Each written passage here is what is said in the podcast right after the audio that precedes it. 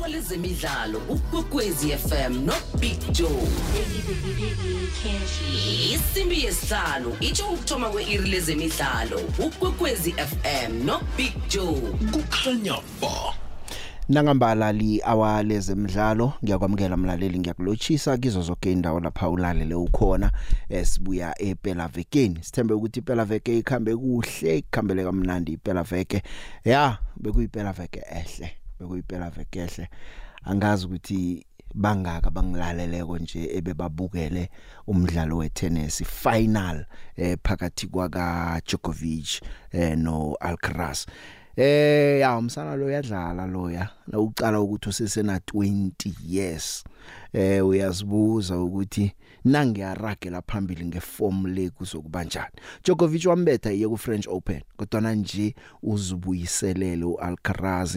Eh isecond serve yakhe ewu yewu yewu yewu yakudlaliwe kudlaliwe sete nesibili kulapha ubone khona ukuthi kukhulu okuzako la ngoba ke yokthoma uDjokovic uzichelelele kamnandi.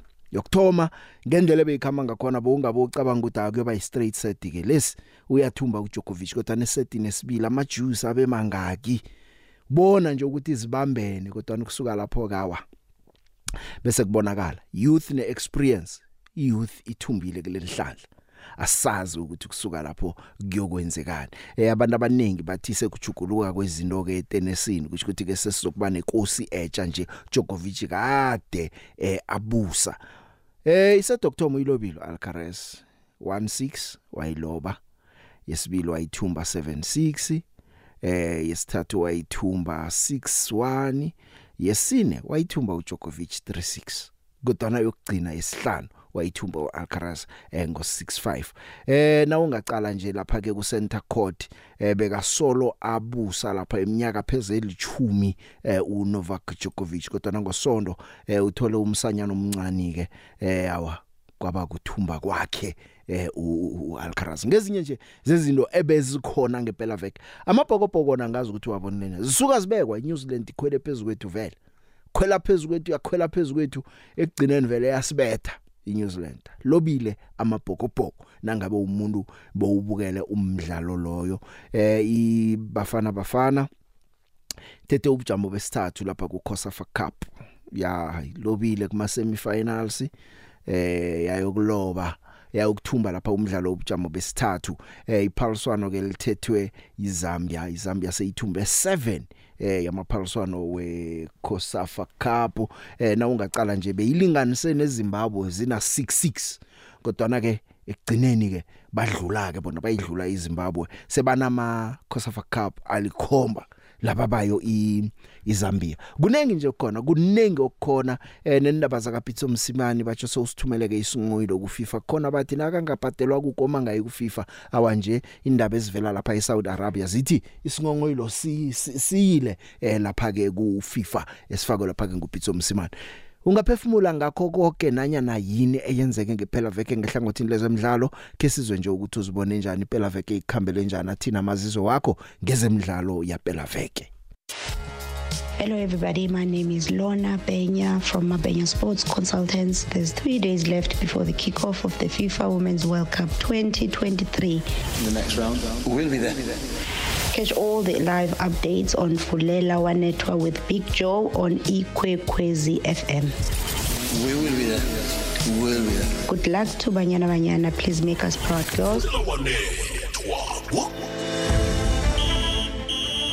Imidlalo ongayilindela kukwekwezi FM siyokuhashela poro bunqopha iFIFA Women's World Cup ngaphetsheya kwamalwandle eNew Zealand neAustralia.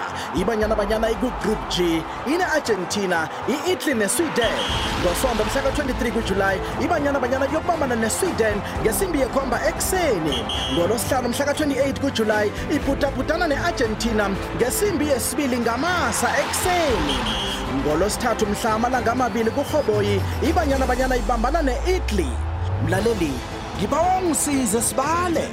3 Three, 2 two, 1 one, hashtag zero. we love it here for the love of the game.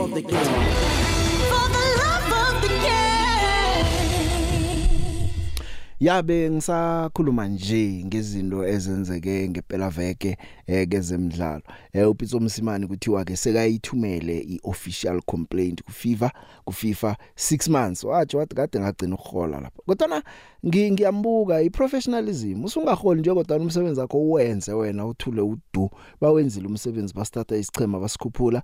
Eh asazi ke ukuthi ezakulunga ngile ye ye option ngoba bazwana nabamchacha ukuthi wasipromoter sabuyela eligini ephezulu sizokuraga nawe. Kodwa nakuphelako bathi asakhlokisa isihlogo omunye. Nje usithumela ke isingongoyilo ngokuthi kombiko obuya lapha eSaudi Arabia eUpitso Musimani okunye kokusirara konje indaba ka Terence Tsukamanja. Terence Tsukamanja eh batsho uchinga ku SuperSport. Orlando Pirates ithi izomrelease una 29 years lomswa eh bese kadlala indima ehle mani lapha isicemeni seOrlando Pirates. Abetha amagonde lokungakalindela umuntu. Kodwa nje ngathi kusasa lakhe ke libhalile ke lapha eh isicema seOrlando Pirates sithi eh uza kukhamba watlikitlwa na ku chabalala iBitverse Vets ngo2020 2021 esicemeni seOrlando Pirates. Nje ngathi ubuyela kuGavin Hunt uKevin Hunt yebe kumbandu lakhe lapha kuBitverse Vets eh uJugamanja iPirates isikhiphile ke istatement esikhuluma ngokukhamba kwakhe uJugamanja yazi nawo uzifunda ke statement statement esi uyasuzicabangele nawo batsho waye esichimeni wathi ngibawani ngilise. Ngifuna ukuyokudlala eZimbabwe ngibe seduze nekhaya kunezintwanyana zekhaya kumele ngizilungise. Eh isichema ke batsho ke sathi no khamba uyokulungisa intwanyana ezo siza kubhadela umholo wena usekhaya ulungisa izinto zakho. Isichema batsho satsho njalo. Eh manje ke ke batsho ke bona kawa bebazitshela ukuthi man umdlali lo eh, esizokuthi sirage siye phambili naye simsize naka nezinto mhlawumnye eziphathelene nomkhumbulo ezimfunako into zangecadi batsho barareke khulu iSuperSport naseyithi eh, uJuga manjalo akeze nganeno. Hey manje asazi Pirate batsho beyithi yomfaka esichemeni seCAF Champions League nangu nje sewuya ku SuperSport manje iPirate ithi ke eh nakunjalo ke the club will release Tsuka Manja to SuperSport United. Ngezika Terence Tsuka Manja lezo ngazi ukuthi wena uthini uzibona njani uzikhambela njani. Kodwa ke ake ngirage nanasenye indaba akani simbini akani simbini kade silindele likhulu kuye. Kodwa angafiki lapho simcale ukuthi uza kufika khona. Ngisho besibona ikhono na? Silindela likhulu phela nasibona ikhono kodwa njengasithike mhlawumnye angazi kuyathembisa namjana kwenzekani? Ebe bayicala iDiamond League abaziphe isikhatshana bambonile lapha ePoland ukuthi wenzeni izolo. Thomas Slow kodwa 100 meters yakhe wayibetha nge9.97 Diamond League bekathatha unongorwana wehlandla lekhomba uchiye lapha ke umswa weAmerica uFred Kelly oyikutani yephasi. Uthethe ubujamo besibili ngo9.97 uFred Kelly kwathi uEmmanuel Eseme weCameroon wathatha ubujamo besithathu. Eh ya wabona ukuthi kumbila siyamthokozisa man. Hlandla lesibili kuphela nje emaphaliswaneni ayi9 ahlula uKelly. Ngikhuluma ngoAkani Simbini umseula Afrika. Omunye osenze sazikhakhaza nguWade van Niekerk kumnandi ukubona uWade van Niekerk abuya. So lalimala ngo2017 alimela idolo kudlalwa irugby touch rugby nje bazidlalela walimala kwaba yinto ethikameza ibizelo lakhe kukhombisa ukucina komkhumbulo nokho ukumbona abuye ngamandla ngendlela abuye ngakhona eh, uWade van Niekerk uyithumbile i400 meters nge44.08 seconds. Ya ene solo abuyileko isikhathi esimsinya kakhulu fastest time yakhe le solo abuye ekulimaleni. Siyamthokozisa siyamthokozisa eh uchiye lapha umswa ubutswana eh ubaya Pondori uthethe ubujamo besibili la ngo44.61 uAlison dos Santos weBrazil uthethe ubujamo besithathu nge44.73 uzakithi nene eh umswa ebekacalwe khulu ukuthi yongunakefani Niker kulona kalimele kona ngumuntu ongavala isikhala nangumuntu ongavala isikhala. Uza kuhle nayo uthethe ubujamo besine 44.74 ena isizini best yakhe. Uzakithi nene i44.74 uyabona ukuthi begijinywa hle begijinywa hle last 100 meters uWade van Niekerk kulapha aveze khona ukuthi umswa onebelo oceda kamnandi. Ubachiye nje siyokubona ku World Championship eBudapest inyanga ezako le eh, ukuthi kuyokwenzekani. Ngomgcibelo bekuyibirthday yakhe una 31 sikhuluma nje eh sizakubona ke eh, abanye bathi lapha eBudapest kumele agijima isikhathi esingaphasi ko 44 seconds. Ya lapho ke nangabe uyafika lapho ke kuzakutsho khona ukuthi mm, fikile lapha alindelwe khona eh u u van Niekerk uWade van Niekerk South Africa ke lo Eh ngibuyela lapha ke kwezaka Alcaraz. Alcaraz nakaceda ukuwina eh umswa ukhulume ngalendlela nakaceda ukubetha lapha ke eh, uNovak Djokovic.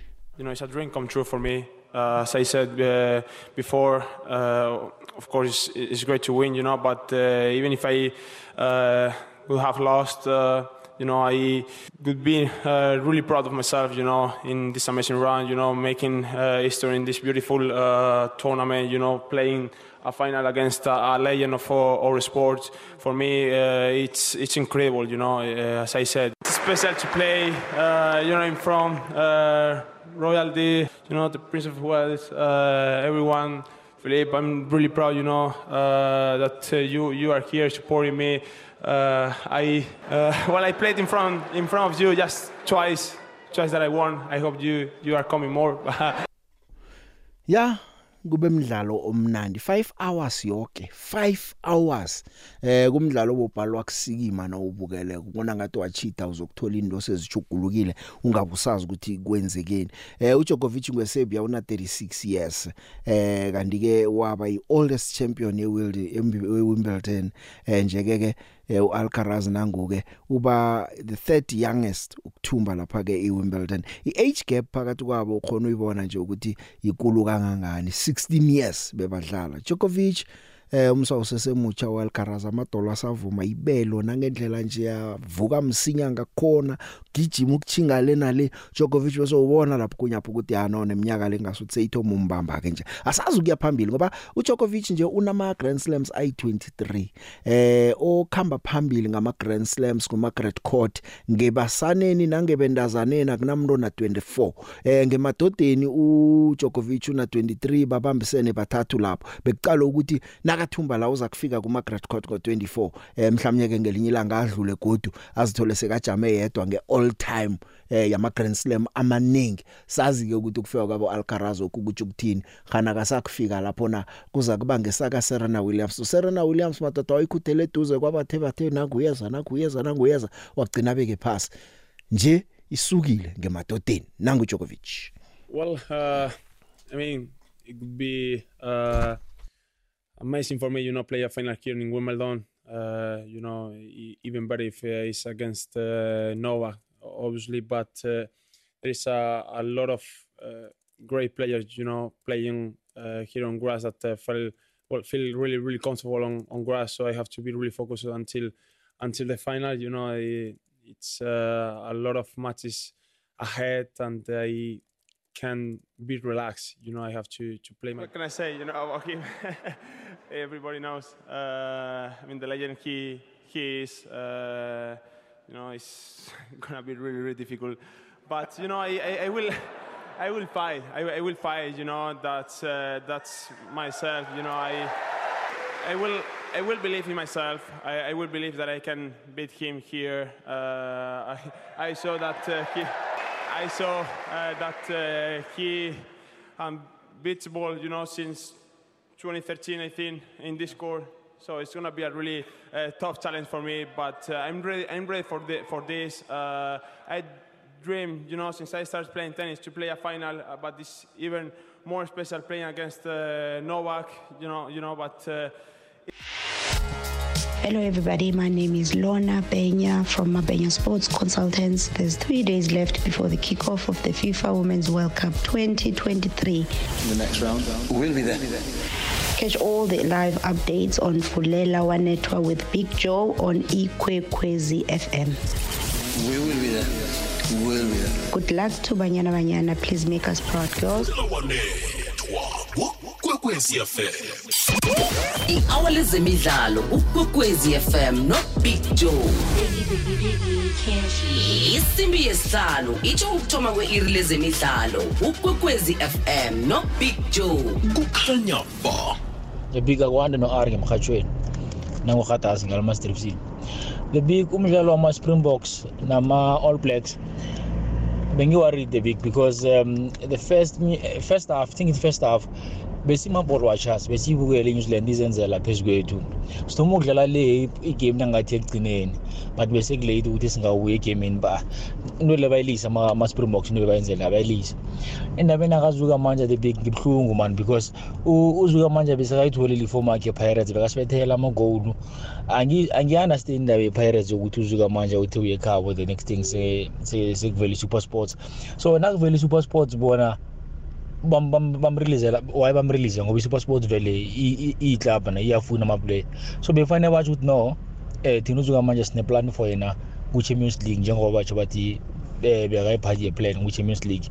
So bona abavele nje basitshela iqiniso ukuthi uzuka manje mhlawumbe bekayiphathi yedila kamaswanganye or yenye iplayer sihlale sazi bangaveli ngendaba yokuthi zimamanga. And the big nabalandeli be-orlando pirates khe sithi ukwehlisa kancane mani indlela esitreata ngayo abadlala kusingiyo mani into le uzuka manje wayekhulumisa lapha ku-bucks camp yokuthi besebamthreathena ngokumbulala. Into le mina ngiyayithemba ngoba nokumbuka khe sambuka kenye igame i think i-arrows wakora nokukora and into le ayithomi mani nogabuza samenza same thing. Then afterwards sekufuneka ukuthi ugabuza kube nguye ocolisako ebalandeleni be-orlando pirates. Ekutheni ngiyithela ukuthi abalandeli be-pirates asihlonipha abadlali. Phela baba bantu nabo bayalidinga isekelo nethando olivela emasapotasini angeke baphila ba-on form. Ngicaba ukuthi man i-pirates man ayikhe izama ukuthi engage nama-sapotas siyazi ukuthi ama-sapotas ngiwo aphethe isichema um mara. Ama-psychologist nje awodwa therapy yodwa ayisi-enough for ebadlalini. Ngurhatasi big joe big joe big joe angibingelele big joe. Hhayi big joe ake ngibongise nje uzuka manje ukuthi ngathi ngahamba kahle lapha yakhona and then abe nekusasa elihle. Hayi mina nje into engiyibongayo nokuthi ngaphatheki kabi. Usebenzele ekugcineni kwesizini. Wadlala kahle kakhulu sakhona ukuthola something. So ngicabanga ukuthi khona into esingaze sim simlokhuze simbambele yona inhliziyo because ukwenzile okuright yikho sizosala siku-celebrate eh bese ngithi nje laphana kuyibafana bafana leyade idlala ikhosafa. Ayi big joe ngasho ngathi mina le ayingigculisi indlela abadlala ngayo bengiyibuka imidlalo yabo. Bebengadlali kahle. And uyabona ukuthi akusekude emzansi ibhola lethu. Ilisuthi idlala ibhola elihle binganakekile neswatini. Kodwa thina besigadiwe nix ngiyabonga. Big joe yecha uh, big joe terence dukamanja as umlandeli we-pirates awa joe angimlileli. Siyathokoza for the input ayefakileko esichemeni uh, i-contract yakhe it came to an end. Pirates had an option to renew until next year ngo-2024 but they opted not to. Nangakhuluma nanga manga he didn't travel nesquad to spain joe bebamchiyile of course uzibawele ukuthi ufuna ukukhamba. Is gonna be a, a good player for i-super sport surely. Because at pirates big joe mina i would rather stick no zakela elpasa big joe. Zakela elpasa is a workaholic uyabereka just abalandeli siphela ihliziyo. Terence ukamanja for me he's just an average player. Ngumthweni chiko yasimon eluka ukwadlawulala shap big joe ake ngibingelele studio ngibingelele wena ngibingelele usiphi basedlaleni kanye no-arvuna eh angithi ake ngiphawule kancane ngebafana bafana big joe. Yazi ngizibuza ukuthi kahle kahle isafa beyifuna u-achieve ini ngebafana bafana ngoba kokuqala ngibone badlali sabo kapinga ukapinga udlale 78 minutes isizini yonke ku-sundowns.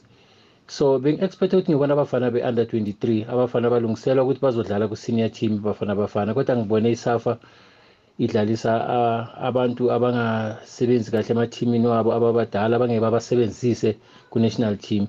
Iningi labo. Ngiyababona bakhona abancane abasha but angitholi ukuthi isafa beyizama ukwenzani ngiyabonga umendane ehlala kahle extension. Big joe no-arvuna silotshise. Indaba ka kajuka manje eyi ibabudisinyana ungamsola ungamsoli. Na useyinyathelweni zakhe bekazakhela ikusasa. Khumbula had signed a pre-contract nesicema se-supersport ngoba pirate ithume umdlalisa um in the second part of the season ladanyana and ngesikhathi bathi umdlali sekhathi angasana qiniso ukuthi usazi ukufoma part of the team. So ibudisinyana umrabaro yena sowachapha ngokuthi uye ezimbabwe ngento zilungisa kanti kungendlela akuhamba ngayo mara ngithanda ibeke kuhle straight. Ngakho ngithi ungamsoli ungamsoli. Big joe big joe big joe lotsha thokozi lo okhulumayo umlandeli wekhosi elikhulu big joe hhayi big joe um ngifuna nje ukuphawula ngento encane big joe eh ngicela big joe ngifuna nje ku-chiefs laphana big joe kukhosi elikhulu. Um sicela basiphostele ama-picture kade upresident sifuna ukumbona ukuthi uyatraina lapha esichemeni sethu se-kaizer chiefs um lo mfana lapho uphotsane. Because abanye bonke sengibabonile kuthini bakhona. But yena ngimbona udupri lapha ngimbona hey that is my favorite player picture ngikhonzile lo mfana. Ma ngingambonanga nje ku-chiefs angikho happy picture. Angikho happy picture. Danko. Emnyakeni wamachumi amane wekwekwezi fm sisakulethela zemidlalo zisatshisa ngehlelo lezemidlalo. Fulela wanethwa ya zinjalo ke indaba. Ya Jukumanja eh kwezwakala ukuthi gasuthi une pre contract vele. Eh wazidlikidlela nesichema lapha ke se SuperSport United uyokuhlangana no Kevin Hunt godu. Eh usebenzile esicemeni seOrlando Pirates naseziya ngekugcineni nje noma kazanga thoma kuhle kodwa ucede kuhle.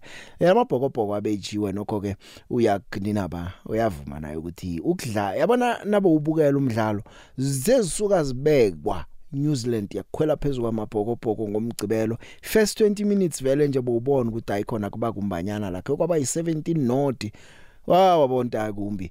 Eh kodwa na kugcineni amabhokobhoko alobe lapha ke ngo 35 20 yalobe ngo 35 20 eh manje ke kuzakumele babuye ke bokudlala no neArgentina umdlalo wabo wokugcina we rugby championship nge29 July la eJozi badlala nesichema seArgentina.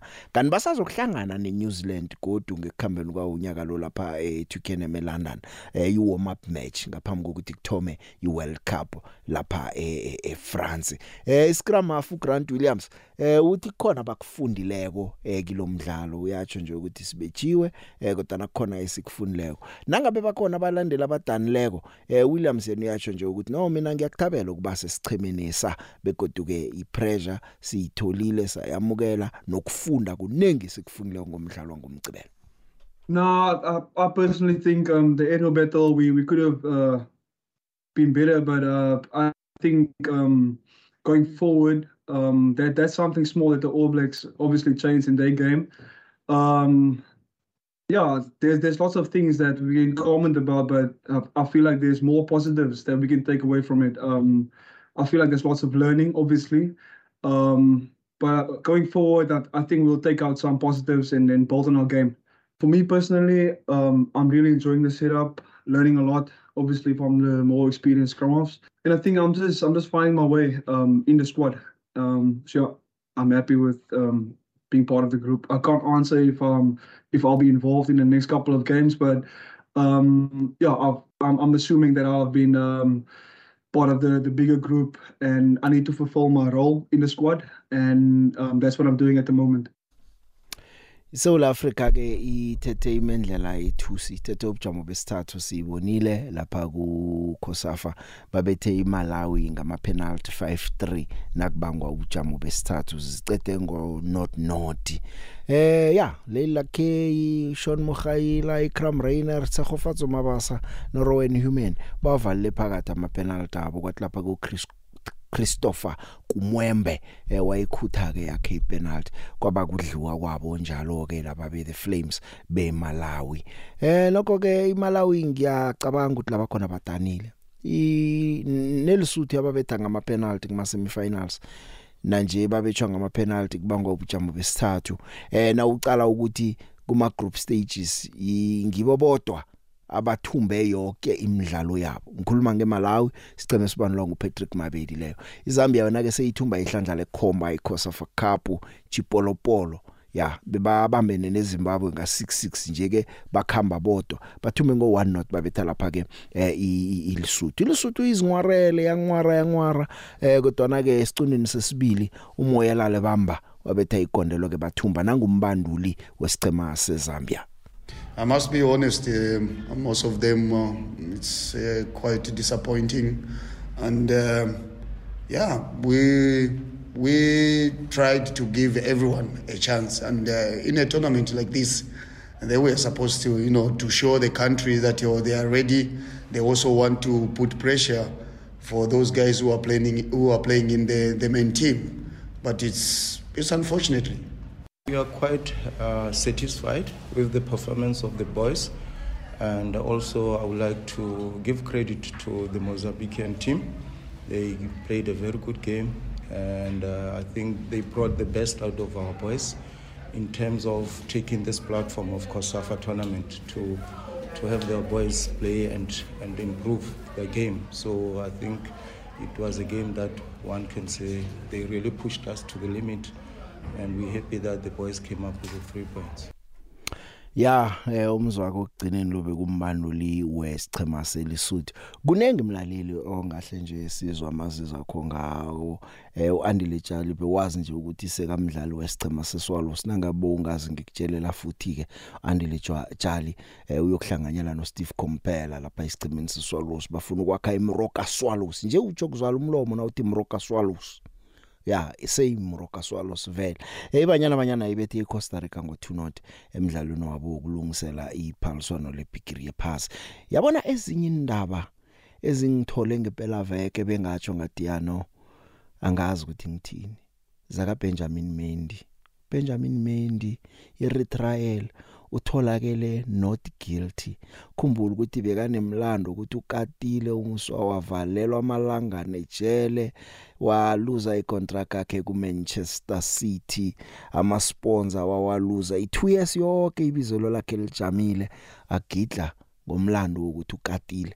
Njengempela veke kuvele ke khotho ukuthi awa eh uBenjamin Mendy akanamlando. Zindaba ezibebhlungwana ke nokho lezo eh na umuntu uzicala uthi maye umuntu wabantu impilo yajama kangaka? Hm kumbi. Swallows angazi swallows uyibona njani. Ngisatsho nje ukuthi andile tjali bamhlikihleli ulanchene phalane amazi phalane nangiya naye sekalapha eh ba sign lapha ke no Dawaron van Rein uKenan Phillips eh, uVictor Parker Fala Ketshanini naye ukhona. Eh, nje sesekunenginkulumo lapha ezithi umabasa naye uza kuchinga khona. Asazi ukuthi uyayambala na. Labe ngikutshela bona sebahlikihleli ngaphanga uSteve Kompela eh, umbanduli. Eh nabo ke ngathi uyikhona into. eh, abafuna ukuyipheka iphekeke. Richards Bay nayo Austin Dube imthethe semidlali wayo suka lapha ku Chiefs kunabo Lucky Mohomi kunabo Litsie Kwapeng kunothabani Thobani Mthembu Nkululeko Miya Bandile Ndlovu Thato Muhlamme Justice Fikadero Buyikanyo Komane. Khuluma ngesicema se Richards Bay. Sezinchema nje ezihlanganisako ezikhibelelako eh nawe ke sizakuzwa ngawo ukuthi wena uthini. Saza kuhlikihla ingchema eh siza kutshela nasesibona ukuthi yongazi ukuthi sezicedile ivalile iwindow period ukuthi zonke ezihlikihle njani. Mhlawumnye kuzasitshela wena ukuthi eh zikuhlikihlele njani ubona kungisiphe esihlikihle kamnandi. Na njena sikhona ungatsho isafa nayo ke ngaphasi rarekile sibabantu. Ikhipha statement esithi emadoda indaba enayikhuluma ko yabantu 150000 15000 leyo eh, ye backroom staff support staff yebanyana banyana ayikho batsho njalo kutsho lapha ke isafa. Eh ukhumbula ukuthi kwaba nesiphakamiso kwathiwa kuyokuba necontract etsha lapha uDesiree Ellis nesupport staff eh bayokuthola imali kwabathiwa isivumelwano sithi 115 1000 rand. Safa ithi inathi sithukwe njengani nasizwe indaba leyo abothula khanyoga ushubelu lapha kusafu bakhuluma indaba le. Batsho eh ne support staff member bahlukile kunabadlali. Ma staff members bachana imisebenzi yabo ecadi bacha kukho ephasini lapha ama staff members we team athola lapha ke iappearance fee. Noma ku World Cup noma kuma Olympics elinye nelinye iphaliswana kwenzeki lokho batsho njalo. Basho bokubhadelwa ama daily fees wabo njengoba icontract yabo icho ngakhona. Batsho njalo. Eh bathi ke eh ngakuleli hlandla leli ke batsho nokho nakune donation enye vela kabayithola bazababonelela bonelela njengoba esikhuluma ukuthi imtsipe foundation ibaphi imadlana bathi bazababonelela. Safa ithi yona zanke ibathembise ukuthi baza kuthola 115 eh 1000 rand. Safa iyakwala lokho. Batsho next amabonus kuma staff members. Yazi uyazibuza ngoba indaba yemali le eh kunenkulumo ezivela ukuthi nalapha isichema senaga seNigeria nabo kukhona okungabakhambeli kuhle nabangakuzwisisiko ngemali eh kube yiZambia kukhulunywe sona leso. Mhlawumbe besikhuluma ngeEngland nayo izindatshana ezinjengalezo. Jama ngiyokuthengisa nangibuya kongizokubuya no ngqongqosho wezemidlalo usizikodwa akasitshele nje sizwe ukuthi yena uthini ngendaba le. I-hour lezemidlalo ukwekwezi fm no big joe. Isimbi yesihlanu itsho ukuthoma kwe-iri lezemidlalo ukwekwezi fm no big joe. Kukhanya ba. Ya ungqongqosho wezemidlalo eh bukhwari namasiko uzizikodwa ebatsho indaba ezivela kwezi kampeni banyana banyana sezithoma umthwenya nje eh batsho zindo ezithwenyako eh bese bazitshela ukuthi kuphelile kodwa nangasuthi akukapheli. Eh isafu yacho ke njengoba ngike ngatsho nje ukuthi no bokuthola lapha ke eh abo 115 eh 1000 rand ngoba abadlali bona bokuthola 230000 ngemali le elethwe mva nje emnikelo. Eh isafa ke ngosonto ikhiphe lapha ke i-press statement esithi into leyo ayikho. Eh uzizikodwa lona ibeka khona kodwa na uthi batsho eh uzakakhulumisane nayo isafa le ngendaba le The issues about discrimination we must fight against them so that when there are issues, if there is anything outstanding between SAFA leadership, they have promised me and made a commitment that will resolve these issues in a matter of days. Before even the end of the tournament, some of the outstanding issues must have been resolved. I'm not disappointed uh, because I think it's the amount of, um, of, of, of energy that we must still put punches to the leadership of SAFA. Like I said to you, it's not only a South African phenomenon. I read in the past few days the number of countries very well developed which have played in the, uh, in, in the World Cup for a number of years. And I think it's quite unfair that right at the door of the tournament, we're still discussing these matters. Mm. ya khona kubhlungu nokho uqinisile nalapha eNigeria batsho nawo bathi umdlalo wokuvula nabadlala neCanada bazawuboycott nangabe ihlanganela ulibholo lapho ayirarulula umraro oqalene namabonus uyabona enye into eyenza ukuthi umuntu azibuze ukuthi kuthi ukuthi abenezi nabo bayazi ukuthi badlala ababe baceda barojiwe. Kuphelile. Manje balwela ukuthi yonke into ayicedwe kusayinwe bangakadlali. Uthi ukuthi thana bebazithemba inhlangano ezilawula ibhola esi bebangeke bathi okay akuthiwe ngivele bazosinikela sidlaleni khona kusimnandi vele ngezosebenza ungana contract kodwa into ezi ziyakukhombisa esikhulukhulu eAfrica apha ngoba eAfrica le hey nokho ndoda ikhona eh into zizwa kungenhlangano ezilawula ibhola imali zidliwa kakhulu nalapha eZambia nabenazana abakhona nabo kunembiko ethi ngasuthi eh khona lapho kungakhambi kuhle ngendaba yamabonus England yakhe yakwenza nayo lokho sizwile nabo ukuthi no ihlangano yabo iFA batsho nayo ngathi benzela buthaka ifuna ukuceda izinto omsinya noma kunjalo ke uzizikoda uthi no badlale kuhle nabathuma ngo2-1 babetha eh iCosta Rica. Uthemba ikhatlana bano Hilda Makhaya ngiba babetha amagondelo. Manje ke uyathi ukuthi no noma kunjalo nokho bayathembisa abendazana bakutsho uzizikoda uthi mhlawumnye baza kudlula eh kuma group stages uthi ngathi baza kudlula ke lapho eh kune Italy kune Argentina lapho. What I'm more worried about when I read about a few days ago, not only in South Africa, there are a number of countries that had not resolved contractual issues with players. I'm talking about some of the best developed countries. And it worries me that it only happens with women football. With men's football, you hear little about these issues. And it worries me at a global stage because we were elected as a vice president of Minmex recently. Look, you are delaying me because I'm going to an airport now to join Banyana Banyana. I'm quite excited. Um, we were all worried when they left under a cloud. We thought that was going to affect them. But you can see the performance today that immediately we resolve the issues of the field. Immediately their minds, where they, they focus their minds on the field. And their performance today does give me hope that will pass through the stages, the group stages. Hello, everybody. My name is Lorna Benya from Mabenya Sports Consultants. There's three days left before the kickoff of the FIFA Women's World Cup 2023. In the next round, we'll be there. Catch all the live updates on Fulela Wanetwa with Big Joe on Ikwekwezi FM. We will be there. We will be there. Good luck to Banyana Banyana. Please make us proud, girls. Wanethwa nangambala sibaqalela bendazana sithemba ukuthi noma kunje eh umsebenzi bazawenza bona sizikhakhazise siyinaga eh sicala amalanga amathathu asele konje eh ngifuna nje ukuchecha iZambia iZambia genye naga zeAfrika ekhona lapha eNew Zealand neAustralia. Eh Makopa Queens nickname yabo eh umbanduli labo nguBruce Mwape ucaptain abo nguBarbara Banda kanti kuma rankings weFIFA bahlezi lapha ke ku number 77 yeah khuluma la ngayo ke iZambia. Eh iZambia abendazi ngaba kungokuthoma Tommy Tommy emlandweni weZambia ukuthi eh kube nesicheme siyokudlala lapha ke iphaliswano lebigiri yephasi siyabathokozisa hle. Eh umbanu labo wathi nakabona ukuthi igroup abo ine Japan, Spain, Costa Rica eh wathi nakhuluma wathi nawufuna ukuba igutana kumele ubethe abantu abazingutana so eh yena ke isikhathi lesibatsho sokuthi abenazana bezambia bakhomise iphasi eh ukuthi ba mhlobo bani wabantu. Unokuzithemba khulu umbandu lakhe eh, isikhulukhulu lapha phambili nokucala ukuthi uBarbara Banda ngomunye nje wababethi magondela bahle khulu.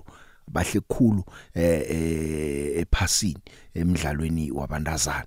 So ke imidlalo wabo ke ngen22 badlala neJapan eWaikato Stadium ngen26 badlala neSpain eh Eden Park ngen1 badlala neCosta Rica Zambia. Player to watch vele nje ngiyacabanga ukuthi okumuntu analyze iZambia bathi hey nangi uBarbara Banda enimcheche ngucaptain emidlalweni eyi10 yesichema senaga ekhabo bethe 22 goals. Una 23 years ubhanda eh kulindelwe lukhulu kuye. Wathoma mbethi magutuva wathi nonke yokudlala iboxing. Wazibamba zombili iboxing lene ball walisa iboxing le waqalelela ngebholweni. Ngoba kwaba kulapha engathi kuyasebenzeka khona. Udlala ibhola wakhe lapha eChina esichemeni seShanghai Shengli Chinese Women's League lapho. Ubethe 18 goals emidlalweni eyi13 ngesizini yakhe yokthoma uyabona nje ukuthi mhle kangangani lo mntazana. Wathoma lapha eSpain ku First Division wabetha 16 goals emidlalweni eyi28 so ne experience yakhe nje ukuba se Europe izosiza isichema lesi seZambia. Eh iZambia le ngenye naga ke zikhona la eAfrica ya la eAfrica ezisijameleko ephaliswaneni leBigiri Pass. Okuhle kodwa kibo. Hello, everybody. My name is Lorna Benya from Mabenya Sports Consultants. There's three days left before the kickoff of the FIFA Women's World Cup 2023. In the next round, we'll be there. Catch all the live updates on Fulela Wanetwa with Big Joe on Ikwekwezi FM. We will be there. We'll be there. Good luck to Banyana Banyana. Please make us proud, girls.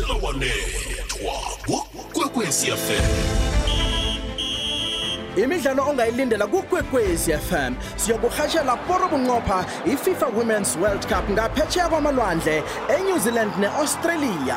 Ibanyana banyana ikugroup G ine-Argentina i-Italy neSweden. Ngosonto mhla ka-23 kuJulayi ibanyana banyana kuyokubambana neSweden ngesimbi yekhomba ekuseni. Ngolosihlanu mhla ka-28 kuJulayi ibhudabhudana ne-Argentina ngesimbi yesibili ngamasa ekuseni. Ngolosithathu mhla amalanga amabili kurhoboyi ibanyana banyana ibambana ne-italy mlaleli ngibawa ungisize sibale 3 2 1 hashtag 0 we love it here for the love of the game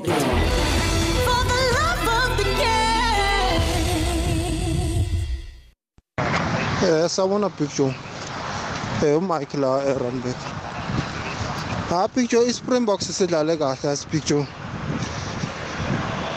Ngoba if ngabe uyibhekile la game be eNew Zealand bokusi i-walk over eh it was a 50-50 game just eh ukuthi lawa mistake ama amathathu asikhoste la ama try so into bangazilungisa lezo ngoba ngibone kakhulu kuma flank eNew Zealand kulapho isiphanishe khona. Manga silangalungisa ukuthi no. Eh ima opponent iza idlala i-passing game. Sicheke kakhulu kuma opponent ngoba i-New Zealand iscore ama try through ama ama flank eh lotshani lotshani picture ngiyalotshisa. Ufulela wanethwa nakubalaleli bonke. Eh benifuna ukuveza nje kancane ngale ndoda uDzukumanja eh yena uphethe kahle kakhulu nase i-league phela picture udlala irole enhle kakhulu kumagoli awashayile bewavere was so bekumagoli beka critical kakhulu abalulekile. Eh ya so ke but ke bekabonisa vele ukuthi hayi indoda engeke isaba khona lapha Pirates because bombona nama goals bekawashaya wayengaselebrate kakhulu. Wayengaselebrate kakhulu. Ya so no but into singayisho all the best for him ku SuperSport ngiyakholwa uzokwenza kahle lapha ku SuperSport uPitso ngiyabona. Ama player amaninzi lawe ngathi beka feel rejected kuma teams babakiwo. Eh ngibona abasondeza duzane naye ngikholwa ukuthi bazowenza kahle. Nangu Tyson he's doing well. Ya so ke ya. Hayi simfisela okuhle picture. Angazi ke iPirates imbambeleni nalo evanga hayi ayina kungiloyo yena hayi. Angiboni nje ukuthi ubanjelwe yini thank you picture. Hey zabona picture. Khuluma nokhetha waxulu la empolompolo ngasolundu makhosini eh indaba kaJugamanja hey.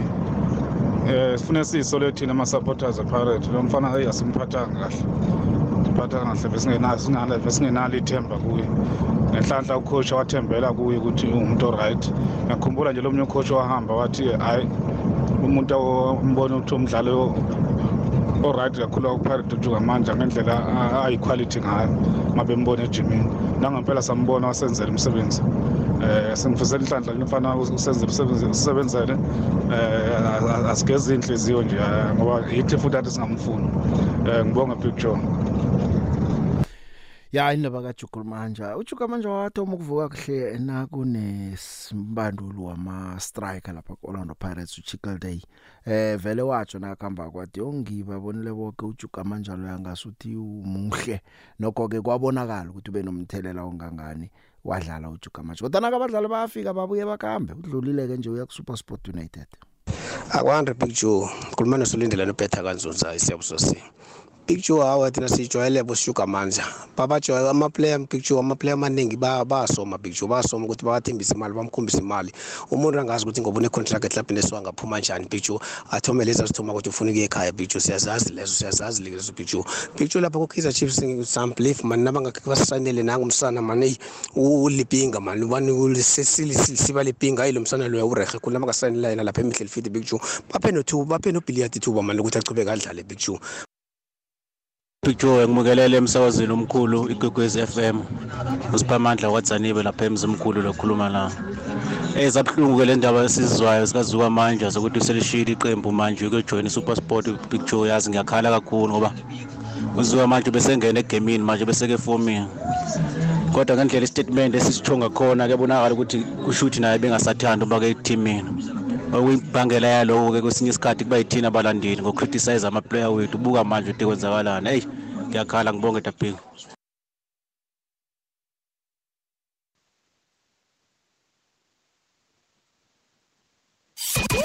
i-hour lezemidlalo ukwekwezi fm nobig joe. Isimbi yesihlanu itsho ukuthoma kwe-iri lezemidlalo ukwekwezi fm nobig joe. Kukhanya ba. Akake sisele ngemzuzu emhlanu ke ngizwe nje emtatweni ku 0863003278 usemoyeni yeche akwande picture njani? Ngikhona kunjani?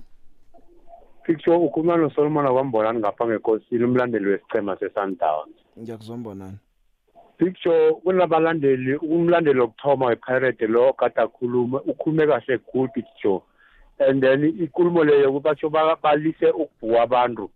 Ngimzwe khulu nangathana inhlabhu ezi abayenhleka abalandeli bonke nangathana bangathatha ikulumo yakhe lokuthi iplayera noma liphasi ngokwe-performance bangalibhuki ngoba lizokuvuka. Cala nje kanje namhlanje bayalile ukuthi player player player kakhambile uzwakele mbonani ngithokozeni? Usemoyeni? Akwande? Usemoyeni yeje yebo the big aha Eh ukhuluma no Ivan Khoze eTarde Gop isikhulu. Hey madoda yena uIron Juku. Ah lona um- u- u- ifan yeKaizer Chiefs ke Oh isupport. hey bese ngithi namhlanje sibakhulu madoda sidoselwe nguIron Juku. Ya the big engifuna ukuyithinta ile ya Tsukamanja bazoyisola man ngokuthi bamdayise. Ngoma ungathatha ukubheka uTsukamanja bekathi makakora kora amagoli aserious mthode badliwa or idraw ishama amagoli okuwina lo muntu bekadlala le. Mm. Uyisakatha ngempela bekawashaya amagoli lo muntu bazoyisola. Ya ngithi vane ngizobatsha umuntu umbona sekangasekho ukuthi bekadlala indima engangani. So kuza kubonakala khona ngithokozeni. Thank you the big. Sure Ivan. Usemoyeni? Akwande? Ke ngithi. Ngiyabingelela Big Joe kanye nabalaleli bakho bohlelo limnandi fulelo wanetho mina ngithanda ukuphawula lapha ngendaba ye- ye- yebafana bafana kanye nesafa. Isafa iyaganga iganga nje ngathi singabalandeli bebhola lase-south africa. Ngoba ihambisa abadlali aba-average njalo nje futhi lapha kukosafa cup kodwa bazi kahle ukuthi ayabahlula la mazwe lawa esibhekana nawo kwikosafa afana nozambia. Yabona manje into engithanda nokuyiphawula ngayo futhi ile ndaba ye-orlando pirate i-orlando pirate idlalile ngotsuka manje cause bene-option yokuthi ivuselele inkontraka yakhe kodwa ayikwenzanga lokho ngiyabonga big joe ayikho yonke le ndaba sitshela yona nje Okay siye la usemoyeni yecha? Wani Picho, Yebo. kunjani na? Ngikhona kunjani? Ngimbulu khona ngebhinoni. Ngiyathokoza. Ngilandele swalo zomkhulu ngibonisa iMorocco swalo ngikufena kwayo. Nithi angizwanga Picho isane kanobani ngize nje uandile tshali nalo mani bathi ulansan phalane ngibo babili bengibazi lokukhuluma ngaba ngaze abathatha babo bani bashilo wabo ke ngibezwe kuhle. Okay beka indlebe wona sizabatsho godu. Eh okhunye okutsha eh bathethe lapha no Yusha Said eh i new performance analyst. uSaid lo wakho wasebenza ku Orlando Pirates wasebenza no Pitso Musimani ku Al Ahly nje ulapha ku Swallows Usemoyeni? Joe Stemula eBetal Joe amabhokobhoko adlale kahle kakhulu. Thina nesipoma sakhona ukuyenza i-try mathina seyiqhubeka kangakhona ukuyazana kahle amabhola bagijime nawo. i-New Zealand beyiqine kakhulu lapha e- e- emumva ikhona ithi wenza amathayiti esisaye ngayo uBig Joe so kunzima lapho ngokusholayo basabuya abafana ba-pick up bathola bakwazi ukudlala naku-world cup siqhubekele phambili. Ngazi bazawubuya nayo i-world cup abafana. Ngithokoze big joe ngithokozile Stemula ya Stemula satsho nje eh urulano wakho wakhuluma ngokuthi you must lose the right matches. Ya lo ngicabanga ukuthi na ucala isithombe esikhulu sokuthi siyayiphalisana leBigiri yephasi akusimdlalo ezwisa ubhlungu kuyiloba le. Ikani nangabe bekukhona ukulinga okulingelelwako ababanduli babonile eh bayokukhamba balungisa lapha nalapha nasiye ephaliswaneni leBigiri yephasi siyokuvikela unongorwana ethu kube izinto zilungile. Kunemidlalo kumele uyiluze evane ngibone nje nabalandeli balile uthola ama practice match we pre-season bathi eh abantu badliwe 5 abanye badliwa 2 abanye ma practice matches lawa kulungiselwa isizini yekhona na umlandeli ari ufuna isicema sakho sithumbe noma yini eh ukhohle ukuthi ama practice matches lapho kunye eh kuchugululwa nenqhema kathathu kufakwe laba kufakwe Mm, laba kufakwe mm. laba mm. Yeah. so namabhokobhoko alobile practice match ye World Cup ngokubona kwami Ah uyivalile the amazulu athethe uAito van der Broel eh assistant coach etsha uyokusiza uPablo Franco eh Martin ucijimpi. Thokozile. Hayi veke ivulekile.